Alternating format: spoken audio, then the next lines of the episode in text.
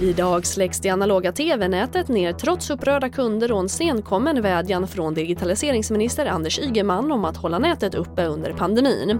En halv miljon hushåll behöver nu gå över till digital-tv när de analoga signalerna släcks ner. Men Comhems kommunikationsdirektör tror att de flesta redan ändrat i inställningarna och säger att man hjälpt 250 000 personer via deras kundservice och har 9 000 hembesök bokade. Och efter att flera får attackerats av varg i Skåne har nu bönderna fått nog och Lantbrukarnas riksförbund har ansökt om skyddsjakt på varg i Skåne. Enligt Länsstyrelsen rör det sig om en vargindivid som troligtvis kommer norrifrån som tagit får tre dagar i rad.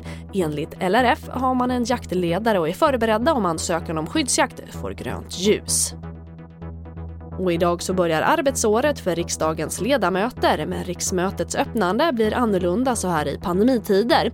Det är färre inbjudna gäster och färre riksdagsledamöter på plats än vad det brukar vara. Och öppnandet från riksdagen startade för en halvtimme sedan ungefär och du kan följa det på TV4 Play som sänder live. Och det var TV4 Nyheterna. Jag heter Charlotte Hemgren.